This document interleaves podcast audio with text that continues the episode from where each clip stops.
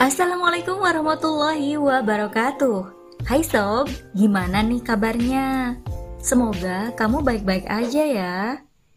Maya Roma di sini tetap setia nemenin kamu dalam beraktivitas.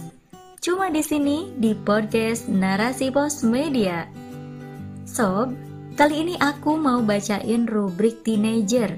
Judulnya Ayo tobat bro, sebelum terlambat. Yang ditulis oleh Irma Sari Rahayu. Podcast kali ini khusus buat lo yang masih merasa aman dengan kondisi menyimpang yang lo anggap takdir. Cepet tobat deh bro, sebelum semuanya terlambat, terus jadi nyesel. Hey bro, kamu tahu nggak? Beberapa negara di Eropa saat ini sedang panik karena kehadiran wabah penyakit yang penularannya seperti kereta Shinkansen alias super cepat. Penyakit apa tuh? Corona. Ah, itu sih udah lewat. Beneran mau tahu nih? Nama penyakitnya adalah cacar monyet. What? Dilansir dari detik.com, 21 Mei 2022, Organisasi Kesehatan Dunia WHO langsung mengadakan pertemuan darurat setelah mendapat laporan lebih dari 100 kasus penyakit cacar monyet ditemukan di sejumlah wilayah, termasuk beberapa negara Eropa seperti Belgia, Prancis, Jerman, Italia, Belanda, Portugal, Spanyol, Swedia, Inggris, AS, Kanada, dan Australia. Spanyol sendiri melaporkan ada 24 kasus baru cacar monyet, yang menurut otoritas kesehatan setempat ada kaitannya dengan sebuah sauna yang ada di wilayah Madrid.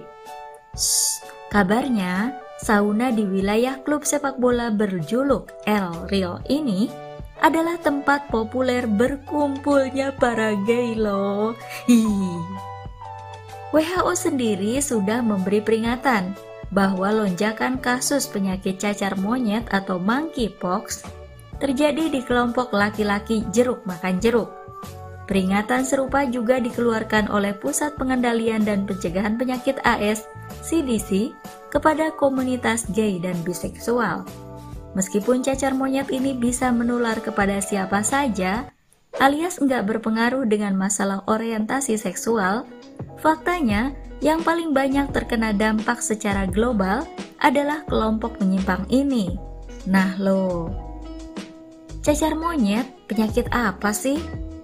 Cacar monyet atau monkeypox adalah infeksi virus yang ditandai dengan bintil bernanah di kulit. Awalnya, penyakit ini muncul di negara benua Afrika tahun 1970. Penyebab penyakit cacar monyet ini adalah virus monkeypox, yaitu virus yang termasuk dalam kelompok orthopox virus.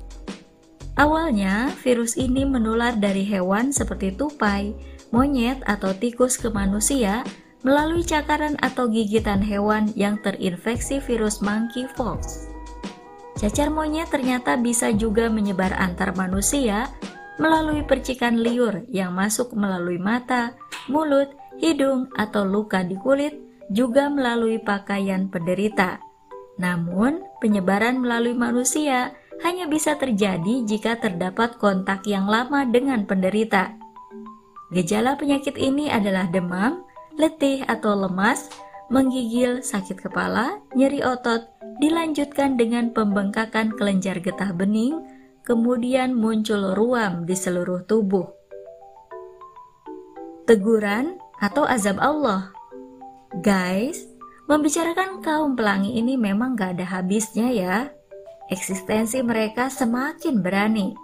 Beberapa selebritas dunia juga sudah mulai membuka identitas mereka sebagai LGBT, bahkan mengenalkan pasangan sejenisnya di depan publik. Perilaku inilah yang gencar dikampanyekan oleh mereka di seluruh negara, termasuk negara mayoritas Muslim. Masih ingat kasus podcastnya Bang DC kan? Gegara Bang DC mengundang pasangan gay, netizen pun ramai mengecam. Akhirnya tayangan YouTube-nya pun di take down. Kalian memang keren. Sebelum datang wabah cacar monyet, sudah diketahui secara luas kalau kaum LGBT adalah penyumbang terbesar maraknya penyebaran HIV/AIDS. Dengan ditambah wabah baru ini, seharusnya bisa menjadi warning buat kaum pelangi kalau perbuatan mereka memang rusak. Allah Subhanahu wa Ta'ala sendiri sudah memberikan celaan yang sangat keras bagi perilaku liwat sebagai perbuatan yang hina atau keji atau fahisyah. Allah Subhanahu wa taala berfirman dalam surah Al-A'raf ayat 80. Dan kami juga telah mengutus Nabi Lut kepada kaumnya. Ingatlah, tatkala dia berkata kepada mereka, "Mengapa kalian mengerjakan perbuatan yang sangat hina itu, yang belum pernah dilakukan oleh seorang pun di dunia ini sebelum kalian?" Indikator lain bahwa perbuatan jeruk makan jeruk ini diharamkan dan sangat dibenci adalah Allah Subhanahu wa taala melaknat para pelakunya. Rasulullah Shallallahu alaihi wasallam bersabda dalam hadis yang diriwayatkan oleh Imam Ahmad dari Ibnu Abbas radhiyallahu anhuma. Allah melaknat siapa saja yang berbuat seperti perbuatan kaum Nabi Lut. Allah melaknat siapa saja yang berbuat seperti perbuatan kaum Nabi Lut. Allah melaknat siapa saja yang berbuat seperti perbuatan kaum Nabi Lut. Beliau sampaikan sampai tiga kali. Nah, kurang apa coba? Allah Subhanahu wa Ta'ala sudah mengingatkan kepada seluruh manusia untuk menjauhi perbuatan hina itu. Tapi karena manusianya bandel, Allah timpakan deh penyakit-penyakit menjijikan untuk mereka. Bisa jadi penyakit tersebut juga sebagai azab atas kengeyelan mereka. Ayo tobat bro, khusus buat lo yang masih merasa aman dengan kondisi menyimpang yang lo anggap takdir, cepat tobat deh bro, sebelum semuanya terlambat, terus jadi nyesel.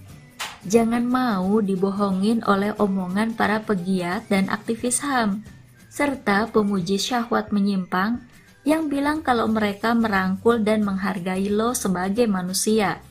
Sejatinya mereka justru sedang menghinakan dan menjauhkan fitrah lo sebagai manusia. Coba pikir deh, binatang aja melampiaskan sahwatnya kepada lawan jenisnya Masa sih lo malah lebih rendah dari mereka?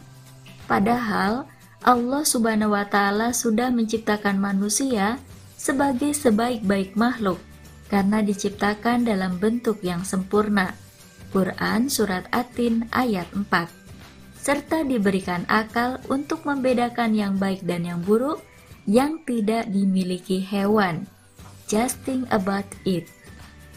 Dalam penciptaan manusia, Allah Subhanahu wa Ta'ala juga menciptakan berbagai naluri.